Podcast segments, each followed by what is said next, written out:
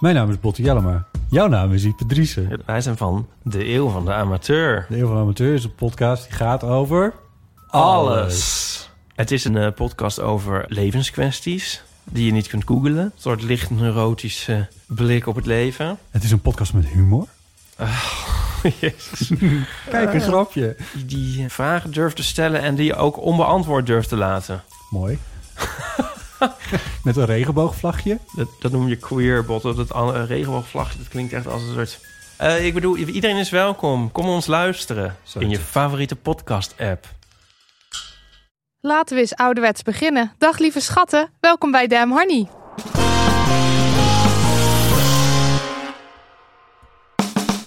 De podcast over shit waar je als vrouw van deze tijd mee moet dealen. Mijn naam is Marilotte En ik ben Nidia. en dit is aflevering 142. We nemen weer eens even lekker de week door. Oh, Ging er wat goed? Denk het Ging er wel. wat fout? Ook zeker. Ja. ja. Na deze aflevering weet je het allemaal. Yes, maar eerst, hè, we duiken er meteen in met een leuk bericht. Nidia, hit it. Hallo Damn Honey. Wij zijn Klasien en Natalie van Effect Lab en we hebben onlangs een beweging gestart genaamd Bloody Beautiful. Een beweging over minder gehoorde verhalen over menstruatie en de overgang.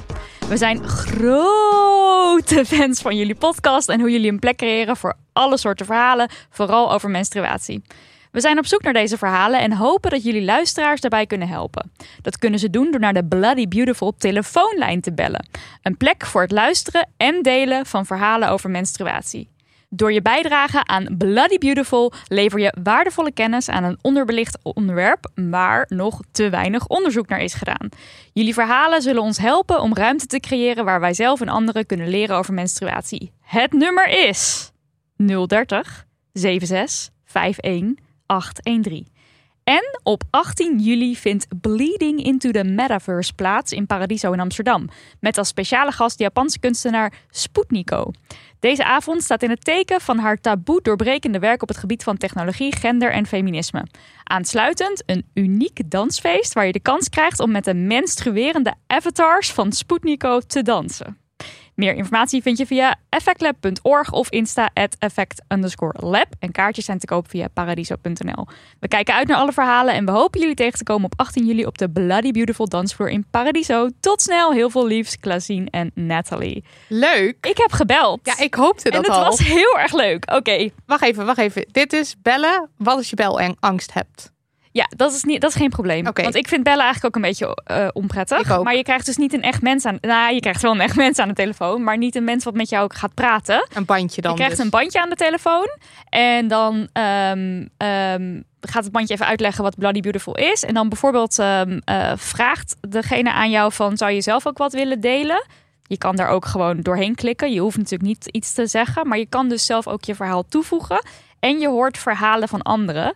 En de eerste vraag is, weet je nog je eerste keer menstruatie? En dat vond ik leuk, want ik dacht, oh ja, dat weet ik nog, want ik ging loge- logeren bij een vriendinnetje.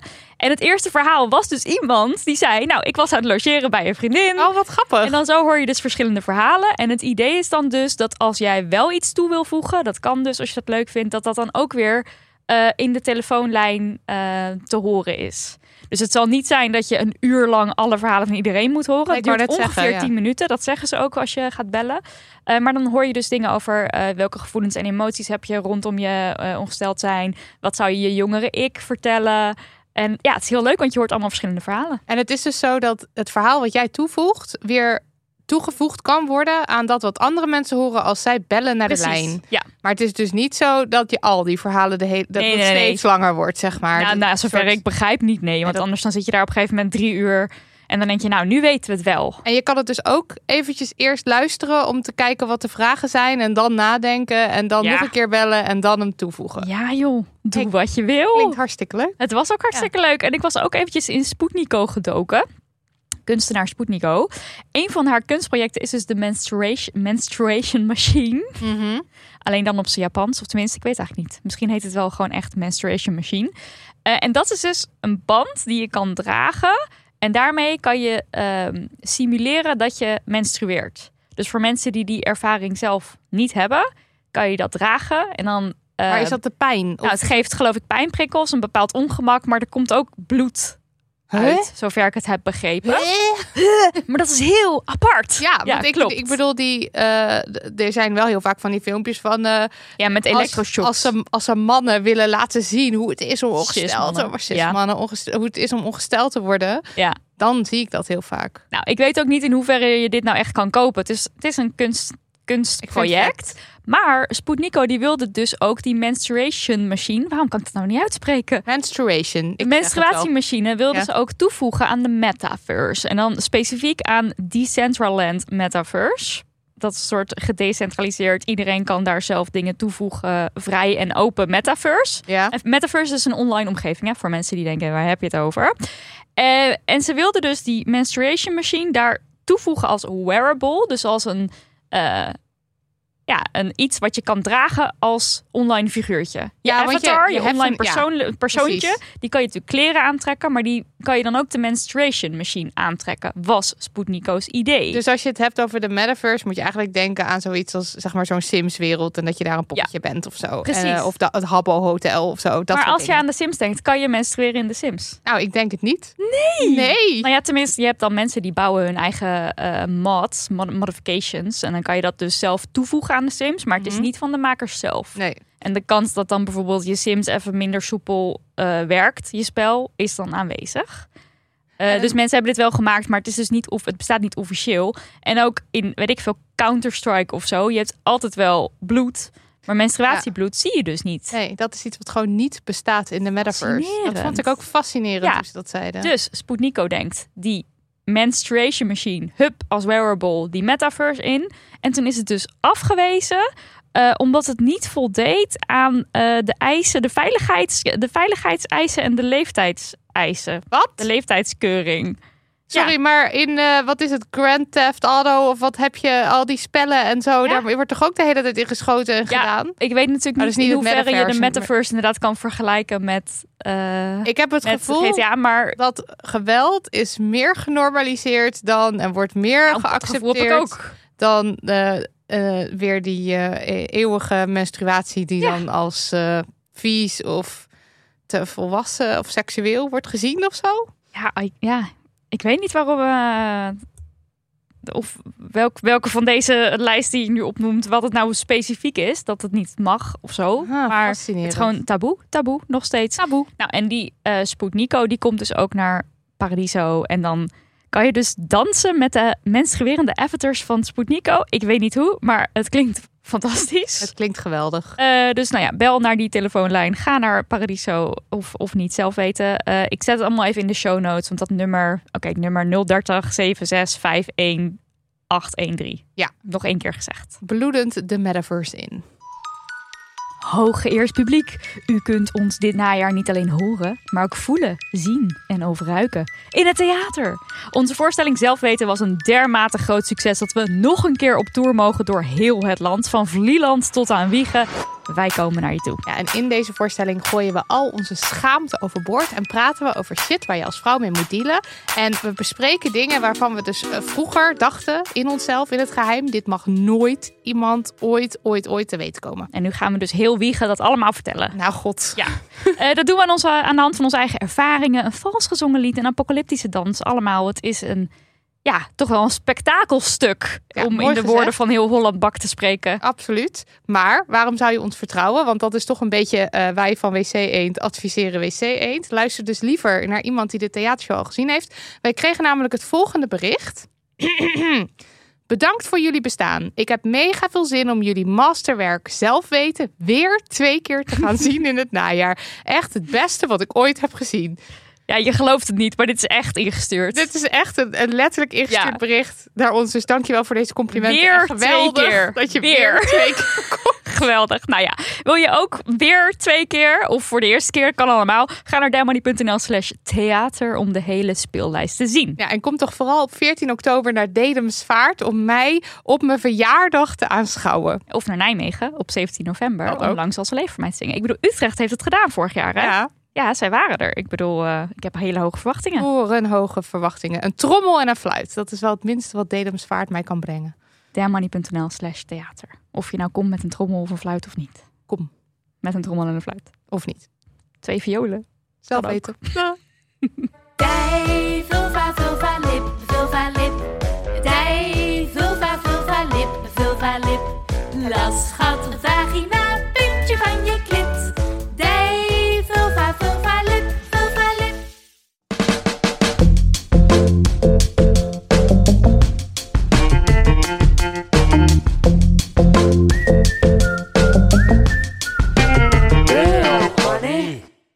Marilotte, Ja, als ware feminist heb jij natuurlijk weer van alles waar je je boos over maakt. Zo Tuurlijk. in het eh, dagelijks leven. tuurlijk, je kent mij. ja, ik ben een opgewonden standje. Ja, dus eh, vertel het maar aan ons. Nou, waar ik me dit keer enorm over opgewonden heb, is het volgende. Minister van Veiligheid en Justitie Dylan Jezogus laat de kledingvoorschriften voor politieagenten nu echt aanpassen.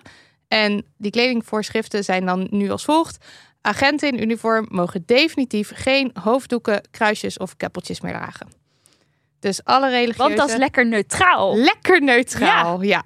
Oké, zelf zegt ze daarover. Gaan, ik ga het even helemaal uitpluizen. Want eh, ergens... Ik zat gewoon eventjes zo random op zo'n video te klikken... waarin zij dan dat onderbouwt. En dan ergens heb je dan het gevoel van... kan je er wel in meegaan of zo.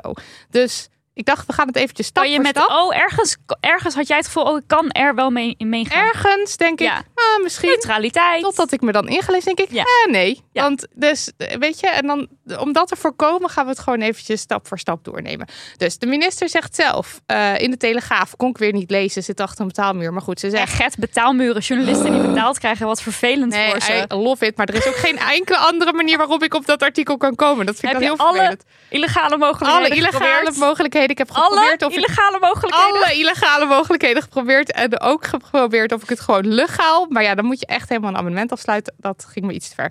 Ehm, ze zegt in ieder geval in de Telegraaf, hè, heb ik van horen zeggen. ik hoop dat de discussie klaar is en dat er niet langer over de ruggen van agenten een, een politieke discussie wordt gevoerd over dit onderwerp. Dus ze wil gewoon nu dat het sloes is met deze regels.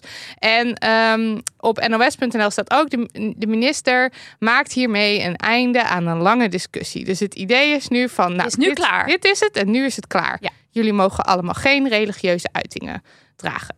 Nou, ehm eventjes goed om te weten, er was al een soort verbod. Ja. Die was minder strikt dan dus nu het geval is. Want nu wordt het echt voor, eh, vastgelegd in de kledingvoorschriften. Maar er was al een gedragscode lifestyle neutraliteit uit 2011. En daarin stond al eh, dat een agent zich moet onthouden van uitingen, toevoegingen en of versierselen aan het uniform die afbreuk doen aan, een, aan de neutrale houding. Klinkt een soort multi-interpretabel, eerlijk gezegd. Ehm, maar nu gaat de minister dus een stap verder. eh, eh, en gaat ze mee in de wens van de Tweede Kamer. Want op 17 november 2022, dus vorig jaar. Mijn verjaardag toen ik in Utrecht uh, toegezongen werd door het publiek. eh, ja, dat is waar. Onze show zelf weten. Ja, Ik, ja, ik ja, zie ja. dit nu als een, als een duistere datum. Maar dat, Dat is was ook een niet- duistere datum. Want weet je nog dat ik daar doodziek... Ja, dat is Ja. waar. Ja, oké. Maar goed, Maar dat terzijde. Wat er dus ook gebeurde, Ja. was dat de Tweede Kamer met een meerderheid de motie van PVV-Kamerlid Lilian Helder aannam. Ja. En eh, zij vroeg de regering ehm, de neutraliteit van het politieuniform te waarborgen en het dragen van een hoofddoek door politieambtenaren tegen te gaan door het aanpassen en aanvullen van de geldende regelgeving. Specifiek die hoofddoek. Ja, dat staat in ieder geval in een artikel. Ja. Ehm, in, het komt erop neer dat de regels dus nu strikter zijn. En dit gaat wel ook over keppeltjes en over kruisjes. Maar hier we gingen het even over de hoofddoek. Want Hier- de PVV kon zijn denk islamofobie weer niet binnen de perken houden. Dat gevoel heb Ja. ik, ja. Dat dat, Dat dat, moest even- eruit. even uitgelicht moest worden of zo. Nou, ehm, wat dus opvallend is, want kijk, in 2011 was die gedragscode er. Dus er was al een soort ongeschreven regel dat je al die dingen niet mocht. Mhm. Zoals een hoofddoek dragen. Maar die discussie die is in de afgelopen jaren een beetje opgeleid. Omdat er verschillende mensen die werkzaam waren binnen de politie... juist zeiden, hey, misschien moeten we het hier eens over hebben. Ja. Want de tijden veranderen. En eh, hè, het is ook belangrijk om inclusief te zijn. Nou, in 2017 wilde bijvoorbeeld de toenmalige Amsterdamse hoofdcommissaris... Pieter Jaap Albersberg het hoofddoekenverbod bij de politie ter discussie stellen. Want hij zei: diversiteit en kennis van alle culturen is voor ons essentieel om verbonden te blijven met alle burgers in Amsterdam. Ja. Logisch. Eh, ook zei ehm, eh, Ahmed Marcouch, voormalig P van de A-Kamerlid en oud-politieagent in Nieuwsuur, dat er wel hele goede argumenten nodig zijn om mensen uit te sluiten. Want zeggen dat moslimvrouwen met een hoofddoek niet bij de politie mogen werken, is arbeidsdiscriminatie. Dat lijkt mij ook. En het is bovendien heel slim van de politie om deze vrouwen wel toe te laten, omdat je daarmee dus heel veel bagage, culturele kennis, taal, maar ook herkenbaarheid voor een deel van de Nederlandse gemeenschap wint. En daardoor wordt de politie ook effectiever en toegankelijker. Ja. Eh, het College van de Rechten van de Mens noemde in 2017 het beleid zoals het nu was discriminerend. En de commissaris racismebestrijding Johan van Renswoude zei vorig jaar dat het oude argument dat uniformiteit bij de politie neutraliteit zou uitstralen, Precies, ja. dat dat niet langer houdbaar is en dat het uniform in de ogen van veel groepen niet neutraal is. Neutraal bij de politie is toch als je heel... Als je doet aan etnisch profileren en als je racistisch bent en homofoob Dat is en het. seksistisch. Ja. Want Dat dit is toch als je neutraal bent bij de politie? altijd komt inderdaad die neutraliteit weer terug. kan alleen maar zitten oogrollen hier. Ja, ik weet het. Maar ja, we gaan toch eventjes, hè? We gaan hier even doorheen. Nou, het Ja. tegenargument is inderdaad neutraliteit. Want de politie moet echt neutraal zijn. Ja. Want we zijn een seculier land en uitingen van religie zijn niet neutraal. Echt interessant dat ze dit kiezen als ding waar ze vol op willen gaan. Terwijl Nou, dat- al het racisme maar over zit, loopt te kabbelen. Nou, kabbelen, overstroomt. Dat is het. Ik bedoel, je de- die maar... documentaire. Dat was vorig jaar Ja. mei, hè? Vorig jaar mei was de documentaire Blauwe Familie. Ja, Waarin dus de discriminatie binnen de politie al enorm... eh, echt, dat bleek de spuigaten uit te lopen. Maar wat was het? was al lang bekend. Maar toen kwam die docu ook nog, ja. Ja, en dan naar aanleiding daarvan wordt, zo, wordt zo'n eh, wordt zo'n commissaris ra- racismebestrijding zeg maar aangesteld. En Mhm. komt er een racisme meldpunt. En dan vervolgens is het dan toch van... hé, hey, we moeten hoofddoeken verbieden. Wat ik een hele rare flex vind. Ja. Ehm, maar ook een paar maanden geleden, weken geleden... dat er een eh, politieagent die dan veroordeeld was... voor discriminerende uitlatingen... dan weer Ja. een leidinggevende functie zou krijgen... bij de vreemdelingenpolitie. Wat Ja. niet is doorgegaan, doordat er kritiek was. ja. Maar toch. Hij is gecanceld, Marilotte. Erg, hè? Heel erg. Even een slokje hoor. Even Slurp. een slokje. Ja. Nou goed, heel Sluikreclame was dat. wat is even een sluikreclame Mag van niet. de, Sst. van de XXX. Ehm, goed. Het verbieden van zichtbare religieuze symbolen bij werknemers door een werkgever is wel toegestaan door het Europese Hof van Justitie. Ja. Maar alleen als de werkgever kan bewijzen dat neutraliteit nodig is voor de organisatie en dat het toestaan een schadelijk effect heeft. En hoe ga je dat bewijzen dan? Nou, dat is dus het, het hele, de hele commentaar hierop. ja. De minister komt niet met die eh, argumenten. Die blijft gewoon de hele tijd op neutraal, neutraal, neutraal. En oh, die arme politieagenten, er wordt nu discussie, wordt politieke discussie over hun hoofden gevoerd. En dat moet klaar zijn. ja, en dat is zo wat zielig. het is. Dus zeg maar, eh, zij, zij grijpt zich denk ik alleen vast aan het... het als, als neutraliteit gewaarborgd moet worden, mag dit. Maar ze, ze beargumenteert niet waarom dit dan neutraal zou zijn. En je kan er dus nu in duiken. Wat is er... Het Wat was een neurie om mezelf te kalmeren. Jij gaat helemaal. Ik ging de vorige keer helemaal bed op jouw threadwise. En ik ga, jij gaat nu helemaal bed op deze politie. Ehm, maar goed, de vraag. Wat is ne- neutraliteit? In deze context lijkt me dat gewoon een compleet leeg woord. Het gaat hier niet...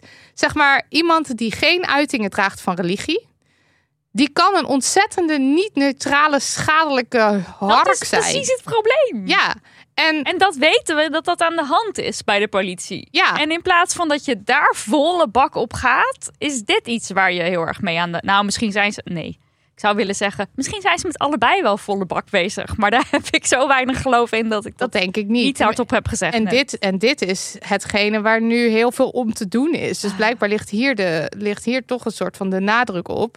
Maar het is ook, kijk, als jij al iemand van kleur bent en er komt een witte politieman op je af. Ja. Ik vraag me af of jij dan denkt, god, wat ontzettend neutrale man Wat komt een- hier naar me een toe. prettige neutrale persoon eh, komt hier naar. Ja, terwijl eh, zeg maar juist, een, juist eh, iemand met een hoofddoek zou voor jou extra neutraal kunnen zijn. Kan, ja. Dat is gewoon, dat kan gewoon, want de hele samenleving er bestaat, bestaat uit toch niet zoiets als neutraal? Wat is neutraal? I know. En we hebben het hier neutraal, over mensen. dat we allemaal in ons blootje moeten gaan.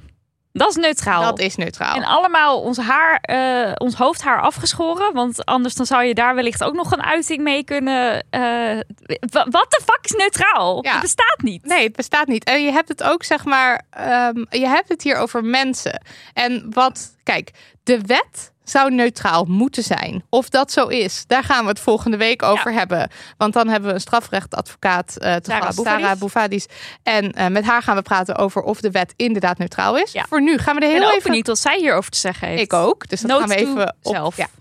Ehm, maar even ervan uitgaande dat de wet, de wet het neutrale is hier, dan is het belangrijk dus dat de politieagenten, wat mensen, wat bestaat, zeg maar, de politie bestaat uit mensen, dat die op professionele wijze eh, die neutrale wet kunnen uitvoeren. En die zeg maar op neutrale wijze handelen naar die neutrale wet. Ja. En dan gaat het niet over hoe je eruit ziet. Het gaat dan, ik mag toch hopen dat, ehm, dat mensen opgeleid worden. Dat er functioneringsgesprekken zijn. Dat ze worden, weet ik Hoge veel. verwachtingen heb je daar? Nou ja, maar en, en dat de neutraliteit, dat dat gaat in zeg maar in hoe mensen worden binnengehaald, voorgelicht, opgeleid, Tuurlijk, ja. gescreend, dat Ja. daar de neutraliteit ligt. Ja. En niet in of jij een hoofddoek draagt of niet. En ik zat dus te denken, oké, je hebt dan die, eh, de- een, ehm, eh, een uniform heeft dan drie doelen. Het moet neutraal zijn, het moet ehm, gezag en herkenbaarheid uitstralen en het moet veilig zijn. Ja. En ehm, bij veilig heb je het meer over bijvoorbeeld dat je geen grote oorbellen of zo moet dragen, want dan kan Oh, je ja. ergens achter hangen bijvoorbeeld. Nou, Ja. een hoofddoek lijkt me gewoon een veilig, ehm, een veilige kledingstuk. Ja.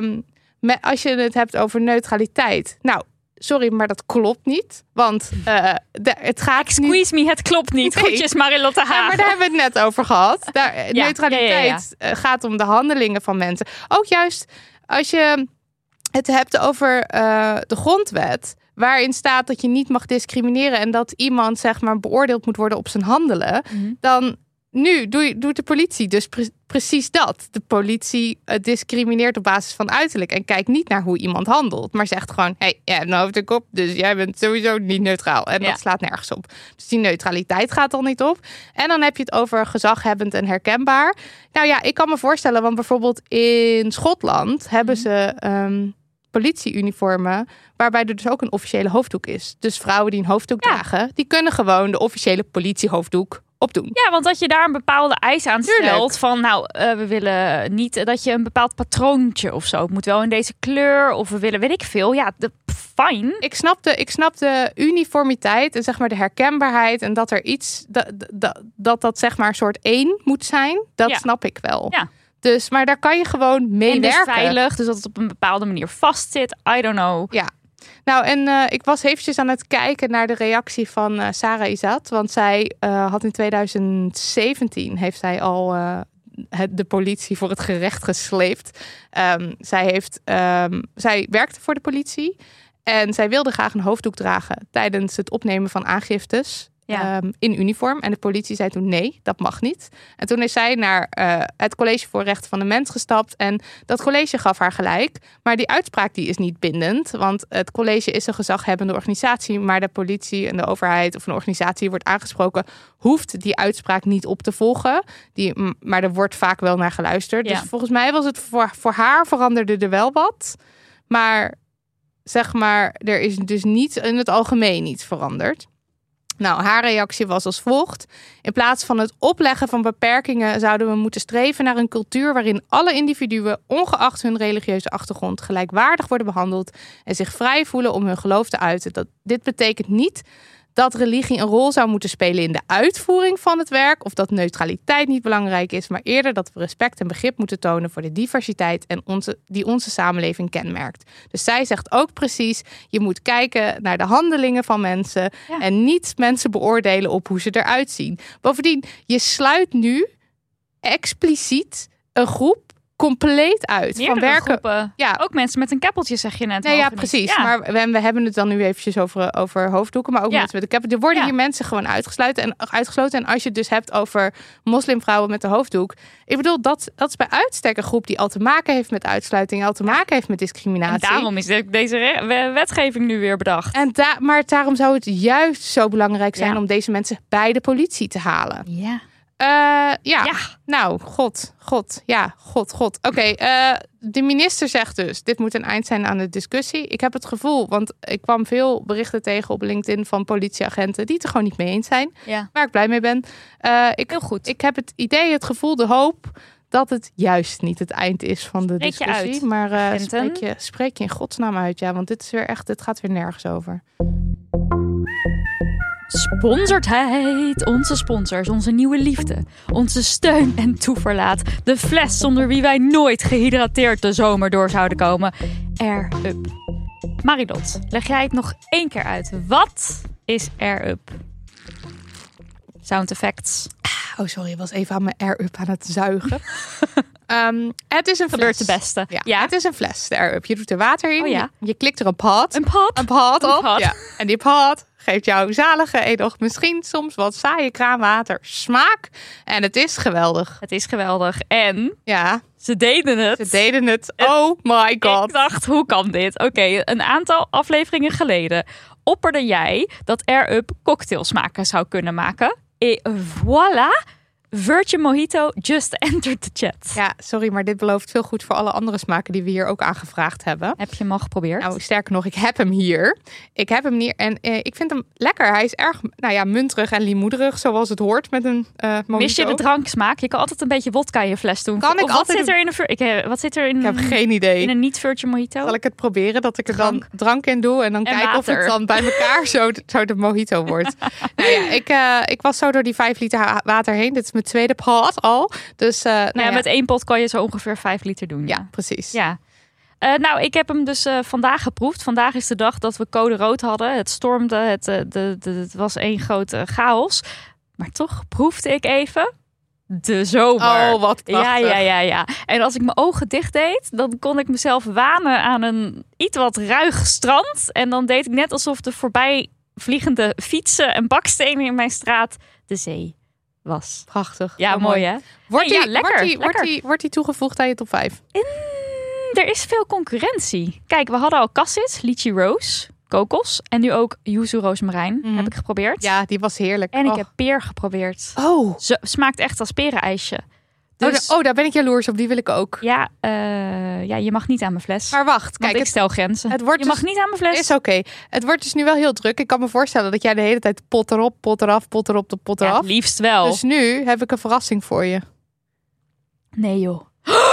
Nee joh. Een doosje voor mijn pot. Ja, Wat een leuke verrassing. En Dit en ik kan hem ook nog aan mijn tas hangen. I know. Wat geweldig. En dit is een tip van een luisteraar. Een Nee, air-up loffende luisteraar. Die zei, je moet dit doosje kopen. Nou, Dus dat heb ik gedaan. Echt geweldig. Oké, dit is niet een officieel air-up ding, maar dit is alles wat ik nog miste in mijn air-up leven. En er kunnen iets van vier of vijf pots I in. Dus it. dit is eh, alles wat je wil. Dankjewel. Echt geweldig. Eh, nou mensen, wil je ook slurpend zomer door? Je krijgt 10% korting eh, op alles op air-up.com met kortingscode DM10. Geldt tot en met juli.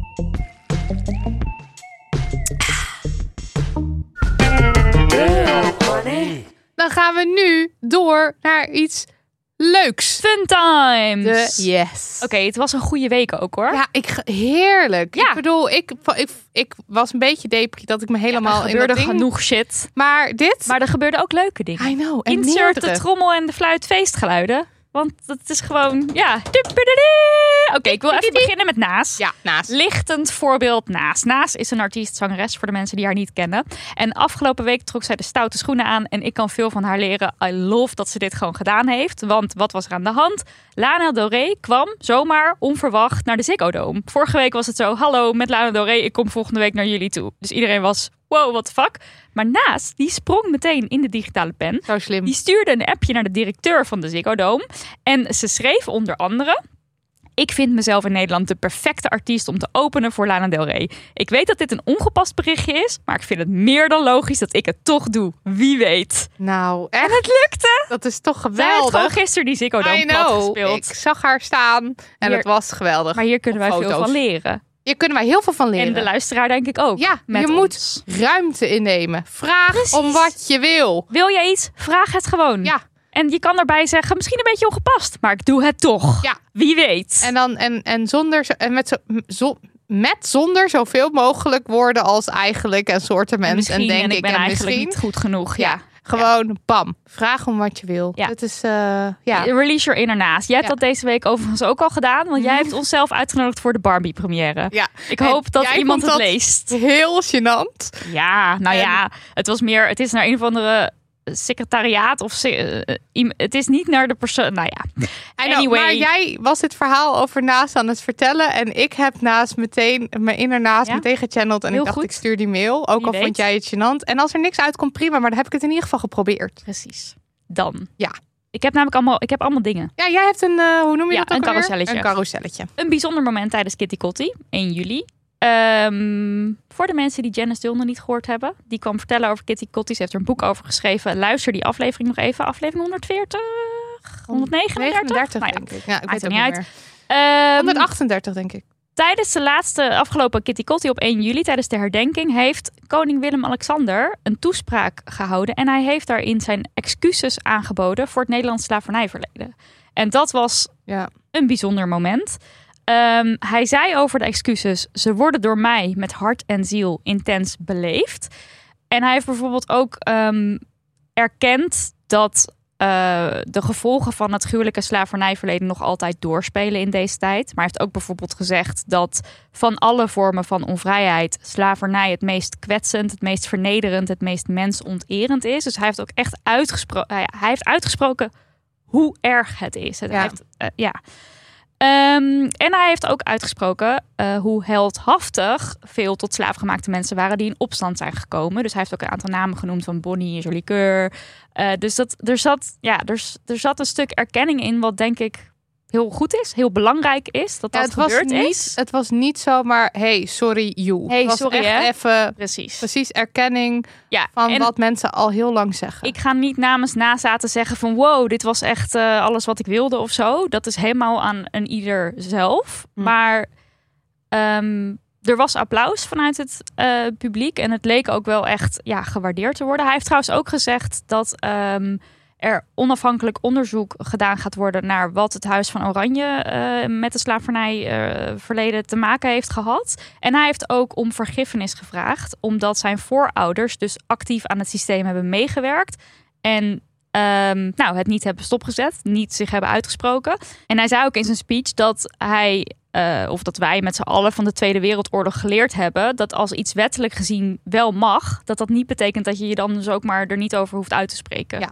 Dus dat je het maar gewoon, oh ja, maar volgens de wet mag dit gewoon. Dus ehm, dat je dat niet moet eh, aannemen of aangrijpen als reden om iets toe te staan wat mensonterend, afschuwelijk, afgrijzelijk, verschrikkelijk nee, is. want de wet is ook niet, nou ja, de, de wet is niet hetzelfde als, als moreel kompas, als Precies. ethisch zijn. ja, precies. En ja. als omkijken naar een ander. En dat had dus wel moeten gebeuren. En Ja. hij vroeg daar dus vergiffenis voor eh, dat zij niet hebben ingegrepen.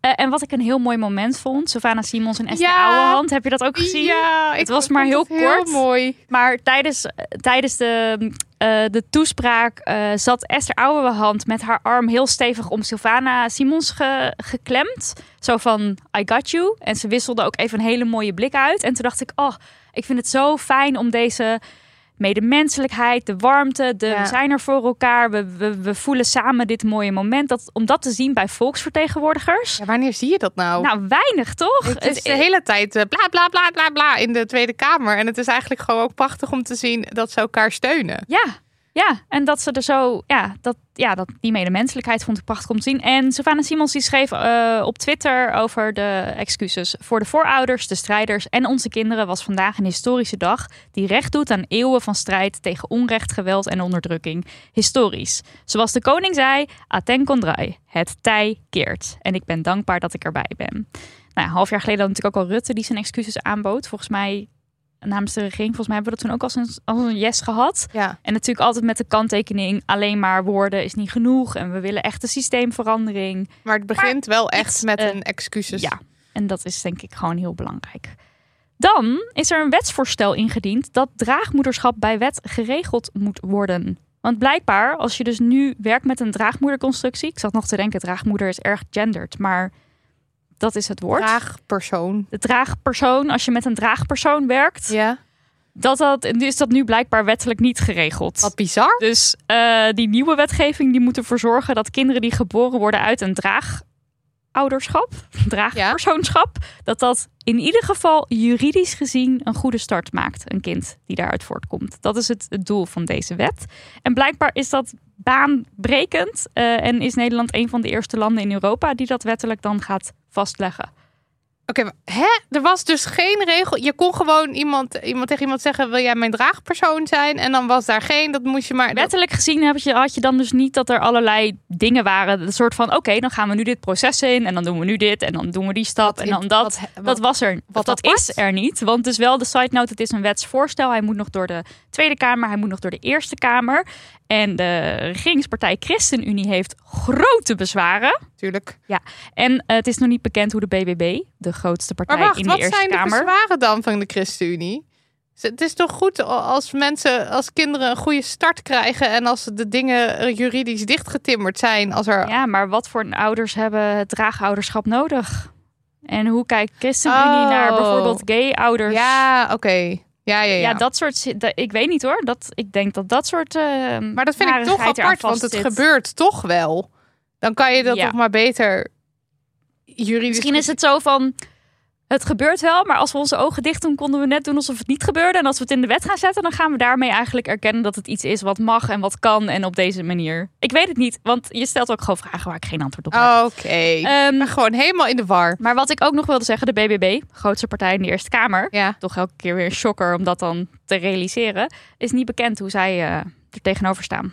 Maar de verwachting is wel dat het wetsvoorstel het gaat halen, maar we weten het dus nog niet. Oké. Het dus is een wetsvoorstel. Nou, het lijkt me een goed wetsvoorstel. Dan goed nieuws vanuit de sekswerkerwereld.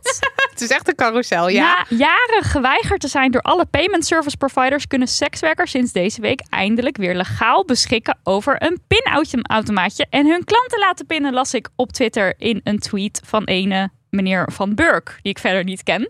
Maar ehm, we hebben het volgens mij in de aflevering eh, met Yvette Loer en Moira Mona hier het ook kort over gehad. Over Ja, dat ze worden dat, dat op het moment dat een bank ook eh, ziet, hé, hey, jij kan wel eens eh, sekswerkeractiviteiten dus allemaal doen, dan word je gewoon eruit gekikt. En blijkbaar was ze zelf een pinautomaatje legaal hebben, hanteren, gebruiken voor sekswerk niet mogelijk. En nu, dankzij pinmobile.nl, Nou, toch even de credits. Ja, even toch? een kleine shout-out. Vind ik ook gewoon helemaal Ja. Toppie. Lekker gewerkt. Pinmobile. Je mag ons ook sponsoren als je wil. Want Ja, joh, waarom niet, je nu een warm, Een warm hart toe. Ja. De laatste. Eh, trigger warning.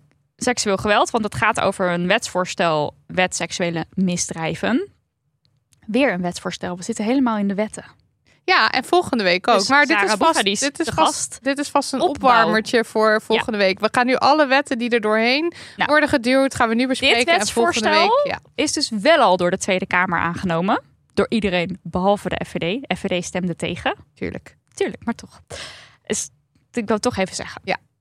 Aangenomen door de Tweede Kamer dat het wetboek van strafrecht. ehm, dit wetsvoorstel wil het wetboek van strafrecht en eh, andere wetten wijzigen. In verband met de modernisering van de strafbaarstelling van verschillende vormen van seksueel grensoverschrijdend gedrag. Eh, eigenlijk, als je het eh, in misschien iets makkelijkere taal wil zeggen. Het is gewoon niet meer van deze tijd, het wetboek van strafrecht. Er staan dingen in waar wij met onze blik van nu naar kijken en denken: huh, Wat? hoezo is dat zo?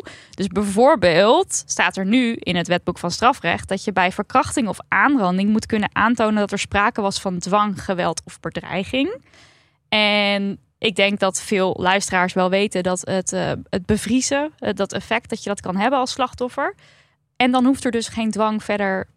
Ja, dwang. Wat is dwang? Ook is eigenlijk ook wel een interessante Nou, het is vraag. gewoon niet zo. We Als je het overrompeld wordt, ja. Ja, we hadden het hier vorige week over met die armband. Dat je gewoon, Ja. zeg maar, dat het, dat het vaak niet zo is dat je helemaal aan het vechten slaat. Precies. Omdat het gewoon of niet lukt, of je weet niet dat er sprake is van grensoverschrijdend gedrag. Er zijn gewoon allerlei situaties die niet zo zwart-wit zijn als het monster en het eh, slachtoffer wat Ja. wordt overvallen. Ja, precies. Nou, dat wil dat wetsvoorstel dus eh, wijzigen. Dus die noodzaak van dat er dus bewijs moet zijn voor die dwang of geweld, die, zal, die valt dan weg. En ehm, iemand zou dan dus al strafbaar zijn als duidelijk is dat de ander geen seks wilde, maar toch heeft doorgezet. Ja. Dus er komt meer een gevoel van enthousiast consent. Waar rekening mee gehouden moet worden door beide of alle partijen. Ja, en dat jij dus ook als eh, deelnemer van de seks verantwoordelijk bent voor of Ja. iedereen het nog leuk vindt. Ja, iedereen die erbij betrokken is, moet inchecken bij elkaar. Ja.